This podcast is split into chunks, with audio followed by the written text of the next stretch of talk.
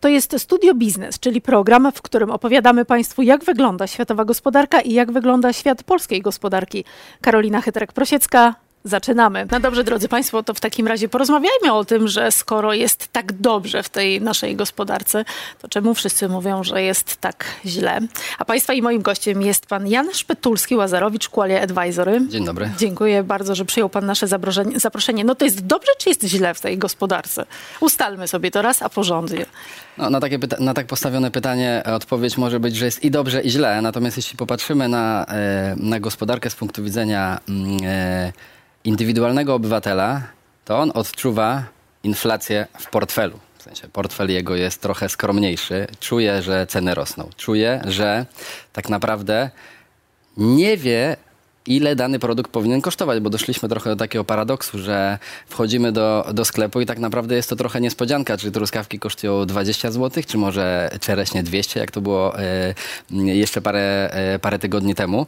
Dlatego taka percepcja, myślę, mhm. indywidualnego człowieka może być bardzo, mm, e, bardzo rozchwiana, dlatego że z jednej strony jednak gospodarka e, zachowuje się, czy nam się to podoba, czy nie, no jednak w miarę dobrze i e, Czyli takiej widać, skali mikro jest źle, a w skali, w skali makro mikro percepcyjnie jest źle, bo czujemy ten wzrost cen. Natomiast e, jak sobie popatrzymy też na, na, e, na wskaźniki wynagrodzenia, to wynagrodzenia rosną mimo wszystko. Oczywiście wynagrodzenia nie nadążają za inflacją, która jest tam kilkunastoprocentowa, czy tam ocierająca się nawet o, o, o 20%.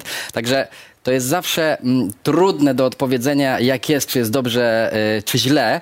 Natomiast myślę, że patrząc całościowo, jest dobrze, bo i zatrudnienie, i pensje są wyższe.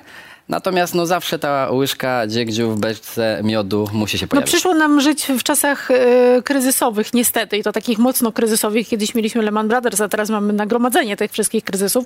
No ale patrzę sobie na dane, no i tak, od 1 lipca płaca minimalna rośnie 3600 brutto drugi raz w tym roku, prawda? Zasiłek dla bezrobotnych na absolutnie rekordowym y, poziomie 1500 blisko 1500 zł e, brutto. To oczywiście nie jest dużo, ale jest to rekordowy poziom. I teraz zastanawiam się, czy jeżeli mamy przy takiej, e, no może nie rozgrzanej, ale dobrze funkcjonującej gospodarce, e, bardzo wysokiej ciągle inflacji, o której też zaraz sobie porozmawiamy, takie dane, gdzie znowu wchodzi kolejny pieniądz w rynek, to czy Pana zdaniem nie będzie takiego efektu drugiej rundy trochę e, w związku z tym, że płace rosną, wynagrodzenia minimalne rosną, bo za minimalnymi pójdą kolejne podwyżki? Bezrobocie y, na niskim poziomie, zasiłki dla bezrobotnych rosną, pieniądze w rynek. Z, z historii wiemy, że e, modele e, ekonomiczne e, sprawdzają się do czasu, kiedy dochodzimy do sytuacji, w której przestają się sprawdzać. Z czym mamy do czynienia dzisiaj. Z tym, co mamy do czynienia dzisiaj, czyli wojna, czyli inflacja, czyli jakby nagromadzenie bardzo wielu czynników, których wcześniej ekonomiści nie brali pod uwagę, bo zakładali sobie ten słynny ceteris paribus, czyli że nie zmieniają się pozostałe okoliczności.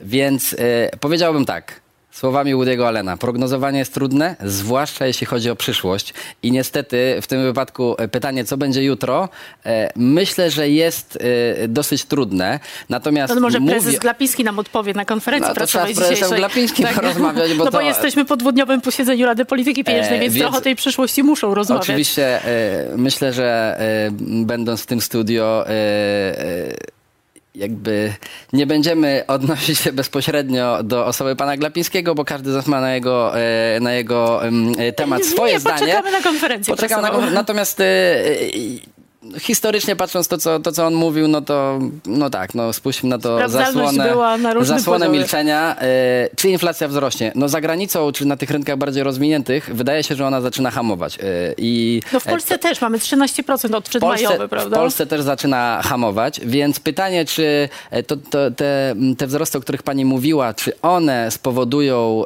taką inercję jednak, że E, powrócimy do, do, do wzrostu inflacji. Śmiem wątpić, ponieważ e, mimo wszystko mm, to e, ta inflacja już tak długo jest z nami, e, jakby konsumpcja, czy może konsumpcja nie spada, ale jednak e, kredyty hipoteczne, wysokie stopy procentowe powodują, że, że te pieniądze, które miały być wydawane na, na cele mieszkaniowe, nie były wydawane w ostatnim czasie. No, także, Chociaż widać też w cenach usług budowlano-montażowych, że rynek ruszył odrobinę. Rynek ruszył i jak się rozmawia tutaj pewnie najlepiej posłużyć się informacjami, bo to taka jest pierwsza ręka od, od notariuszy, to notariusze mówią, że ruch w interesie e, bardzo wzrósł i jest znacznie więcej podpisywanych umów e, e, no za zakupu sprzedaży. 2% kredyt, kredyt 2%, mhm. więc jest tu kilka takich czynników, które powinny spowodować, że um, będzie na co te pieniądze wydawać, ale zarazem no, wydaje mi się, że tego przegrzania, o którym pani mówi, czyli powrotu do drugiej rundy, nie powinno być. Co będzie? To czas pokaże, jak mówią doświadczeni reporterzy. No właśnie, ale też bardzo ciekawe dane e, z przemysłu, a, a przemysł jest dużo bliżej tego, co się dzieje w Chinach, to o czym pan mówił, że jednak e, w innych krajach widać już powolutku, no może nie deflację, ale, ale te dez, dezinflację e, czyli spadek inflacji. I teraz pytanie, czy, czy Pana zdaniem ta korekta będzie szybsza niż się spodziewaliśmy? Bo pojawiły się takie prognozy chyba PKO SA, jeśli się nie mylę, że we wrześniu może być już jednocyfrowa. Jest to możliwe y, i no, jak mówimy o tym spadku z kilkunastu, tam takich mocnych kilkunastu już dzisiaj do 13, jest to... To było jest, efektem bazy oczywiście. Oczywiście, ale... natomiast jest to, jest to bardzo prawdopodobne. No, trzeba też pamiętać o tym, że chociażby e, Niemcy obecnie są w technicznej recesji, bo drugi kwartał z rzędu zaraportowały mm, spadek PKB, więc to też tutaj wpływa na, na, na nasz bilans, y, bilans handlowy i na to, jak, jak funkcjonujemy jako, jako gospodarka wszyscy by, byśmy sobie chyba życzyli jako e, obywatele i e, e, kupujący w sklepach, żeby ta inflacja była niższa, żeby ceny mieszkań Bo też powiedzmy były... też naszym widzom, że Niemcy to jest nasz główny partner główny gospodarczy, partner handlowy, prawda? Jeżeli w Niemczech dzieje się źle, to prędzej czy później to się odbija na polskiej gospodarce. Oczywiście, natomiast tutaj też warto sobie powiedzieć, że, że o Niemczech... krąży teraz taka, e, może nawet nie legenda, ale informacja, że e, jakby stali się bardzo, po pierwsze, energozależni, to znaczy e, ich gospodarka jest bardzo energochłonna przy problemie jakby z gazem, z ropą z Rosji, wysokimi cenami i, turbulencjami.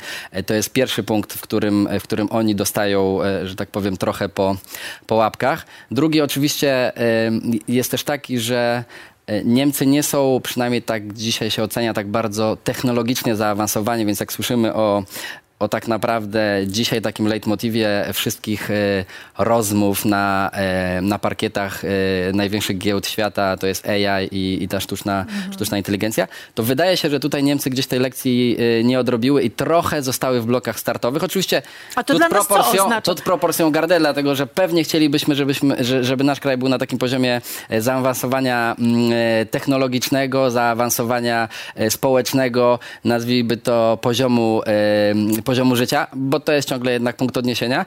Co dla nas to oznacza? No oznacza to, że jeżeli nasz główny partner jest w technicznej recesji, tak jak powiedziałem, i gdzieś ta jego adaptacja do zmieniającego się świata jest, y, powiedziałbym, trochę mniejsza niż y, chociażby, nie wiem, Stanów Zjednoczonych czy szybko rozwijających się y, Bo niemiecka Chin. gospodarka z kolei jest amerykańską bardzo powiązana. Bardzo prawda? powiązana, natomiast mhm. bardzo mocno również z chińską i z, i z rosyjską, więc tutaj ta, ta układanka, poziom, mówimy tak. oczywiście o, o, bardzo dużej takiej układance i, i, i naczyniach powiązanych. Natomiast tak, e, wracając, e, wracając do, mm, e, mm, do meritum, co y, nam przyszłość pokaże, no, jest trudne do oceniania, natomiast na pewno y, w Polsce wbrew, powiedziałbym, ja bym trochę tak to ujął tej inf takich informacji, które to kryzys, jesteśmy w jakimś takim dołku, czy jest źle.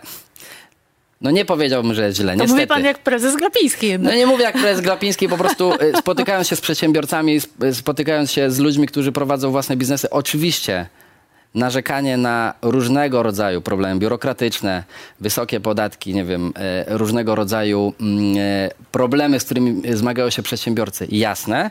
Natomiast jak sobie popatrzymy na, e, na wyniki finansowe wielu, wielu firm, no to, to trzeba sobie powiedzieć, że ta, że ta gospodarka daje sobie dobrze radę. No właśnie pytanie, że, czy daje sobie gospodarka radę, czy dają sobie radę przedsiębiorcy? przedsiębiorcy? No Oczywiście nie, co do tego nie, nie, no nie mamy wątpliwości, że... Zawsze rządzący nie, lubią sobie przypisywać. Ale nie, to nie miejmy wątpliwości, że tutaj jakby zasługa raczej byłaby taka, żeby mniej przeszkadzać niż faktycznie pomagać, no bo no wiemy jak jest, y, wiemy z kim mamy, kogo mamy dzisiaj u władzy i no to tak to po prostu wygląda. A pan... Primero non nocere powinno być. Y, tak, to prawda. Pan, y, zaraz przejdziemy jeszcze do, do rynku akcji, bo chcę pana zapytać, czy w, dobie inflacji to jest dobra y, inwestycja dzisiaj, ale y, czy pan, y, musi pan patrzeć globalnie na rynek? Dzisiaj rozmawiałam, przepraszam, w poniedziałek rozmawiałam z, z Jackiem Rostowskim, byłym ministrem finansów i on powiedział, że on spodziewa się, że stopy procentowe mogą spaść przed wakacjami po to, żeby był prezent na wybory, a potem znowu wzrosnąć. Czy pan w ogóle dopuszcza taki scenariusz? No, myślę, że... Bo potem zejdziemy do, te, do tego poziomu 10% inflacji, którą jest trudno zbijać.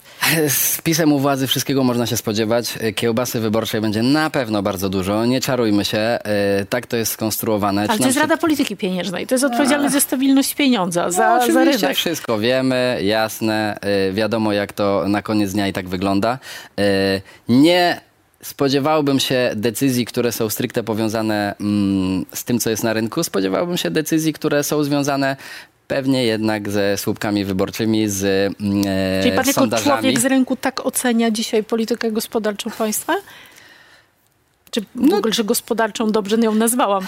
No wie pani, no, a jak mamy oceniać? No niestety, no tak to, tak to wygląda i nie, y, nie ma co się tutaj oszukiwać. Po prostu y, to nie jest dobrze prowadzona polityka na wielu płaszczyznach, czy międzynarodowa, czy gospodarcza. Ona jest spójna w swojej, powiedziałbym, no jednak trochę złej, e, mhm. e, złej e, narracji, czy, czy złym jej prowadzeniu, dlatego że jakby zrażając sobie partnerów międzynarodowych w różny sposób, czy decyzjami ekonomicznymi, decyzjami prawnymi, czy e, legislacyjnymi, no długofalowo zarażamy też sobie tych partnerów ekonomicznie. I to na pewno będziemy odczuwać w którymś konkretnym momencie. A je, jak pan ma do czynienia z rynkami międzynarodowymi i inwestorami międzynarodowymi, to o co oni dzisiaj pytają głównie? Nie, no, oczywiście jest to, e, to ryzyko polityczne, Mhm, jest. Przedwyborczy, rozumiem. Niestety, tak? jakby do tego ryzyka już jesteśmy przyzwyczajeni prawie 8 lat czy 8 lat e, i do takiej... No taki takiego, jest kalendarz wyborczy. Taki jest kalendarz wyborczy, do, takiego, e, do takiej nieprzewidywalności. Oczywiście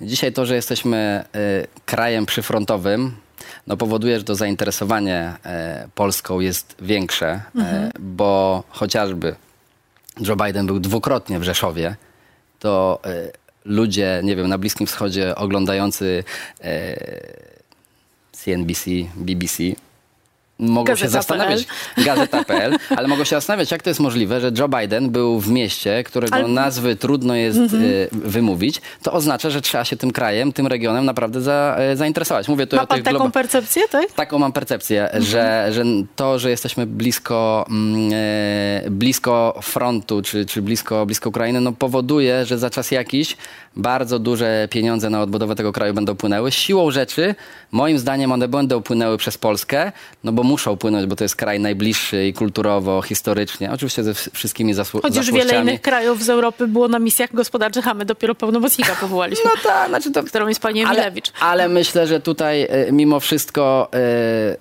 Joe Biden, czy, czy no miejmy nadzieję, że Joe Biden, e, jeżeli będzie, że tak powiem, przekazywał duże pieniądze Europie, Unii Europejskiej, czy po prostu Ukrainie, to będzie potrzebował kogoś na kontynencie europejskim, kto tymi pieniędzmi będzie zarządzał w jego imieniu, nadzorował i tak dalej. Ja bym sobie wyobrażał, że to będzie oczywiście któryś kraj z zachodniej Europy. Natomiast to powiązanie z Ukrainą no, najbliższe jest nam, Polakom, no siłą rzeczy, bo tak nas historia usadowiła mhm. na, mm, na mapie. Także e, te, e, to nieszczęście ukraińskie no, w pewnym momencie będzie też dla, dla nas jakąś szansą. No mogę powiedzieć, mój e, e, bliski e, przyjaciel, który właśnie polsko-ukraińską izbę handlową prowadzi, no mówi, że w parę miesięcy po, po wybuchu wojny liczba aplikacji do tej organizacji przez polskie firmy no, wzrosła skokowo, dlatego no, że jakby biznes jest okrutny, bo wie, gdzie zaraz będą się działy mm, korzystne dla niego, dla niego rzeczy, to znaczy będzie przepływ pieniądza, będą... No okrutny, no tak, tak wygląda no, świat, nie tak oszukujmy jest. tego. To na koniec chciałam jeszcze pana zapytać, jak wygląda dzisiaj świat polskiej giełdy, bo dawno o tym nie rozmawialiśmy. Mam takie poczucie, że kiedyś była e, bardzo aktywna dyskusja na ten temat, a, a, a polska giełda jakby przestała istnieć, zamarła. I trzeba się niestety z tymi e, słowami zgodzić, ponieważ e, liczba debiutów na, e, na parkiecie głównym e, tak naprawdę spadła do zera. E, myślę, że oprócz przejść z tak zwanego małego parkietu na New Connect, e, z New Connectu na, na główny rynek, e, praktycznie nie mamy w ostatnich miesiącach e, żadnych debiutów. To jest bardzo no, niepokojący sygnał, dlatego że jakby giełda żyje, wszyscy żyjemy generalnie z tego, że dzieją się nowe rzeczy. Pani potrzebuje nowych gości, giełda potrzebuje też nowych gości na parkiecie, żeby przyciągnąć czy dotychczasowych inwestorów, czy nowych inwestorów. pozwalać się innym rozwijać, prawda? Oczywiście, więc e, to jest e, jakby kwintesencja tego krwo, krwiobiegu giełdowego, że potrzeba, żeby ciągle działo się transakcje. To e, niestety się zatrzymało. Trzeba też sobie patrzeć na, na wykres WIG-20. Tak naprawdę od paru miesięcy to jest takie falowanie, ale obracające się, że tak powiem, wokół tych samych To już dla wartości. fanatyków, prawda, do śledzenia. No, no dla fanatyków czy nie dla fanatyków. Natomiast fakt jest taki, że, że dzisiaj giełda nie, mm, nie daje tego, tego, co powinna dawać, czyli tych emocji, tych Rynku IPO, tego, co, co, No co dobrze, jest ale- kwintesencją i też no, niestety, niskie są, e, niestety niskie są obroty, a to no, też powoduje, że e, inwestorzy czy polscy zagraniczni wybierają e, inne, inne rynki czy inne aktywa. To bardzo przykre. Mam nadzieję, że to się zmieni, że i na tym parkiecie będziemy potrafili się sprawnie poruszać. Bardzo panu dziękuję za rozmowę. Jan Szpetulski-Łazarowicz, Qualia Advisory był państwa i moim gościem.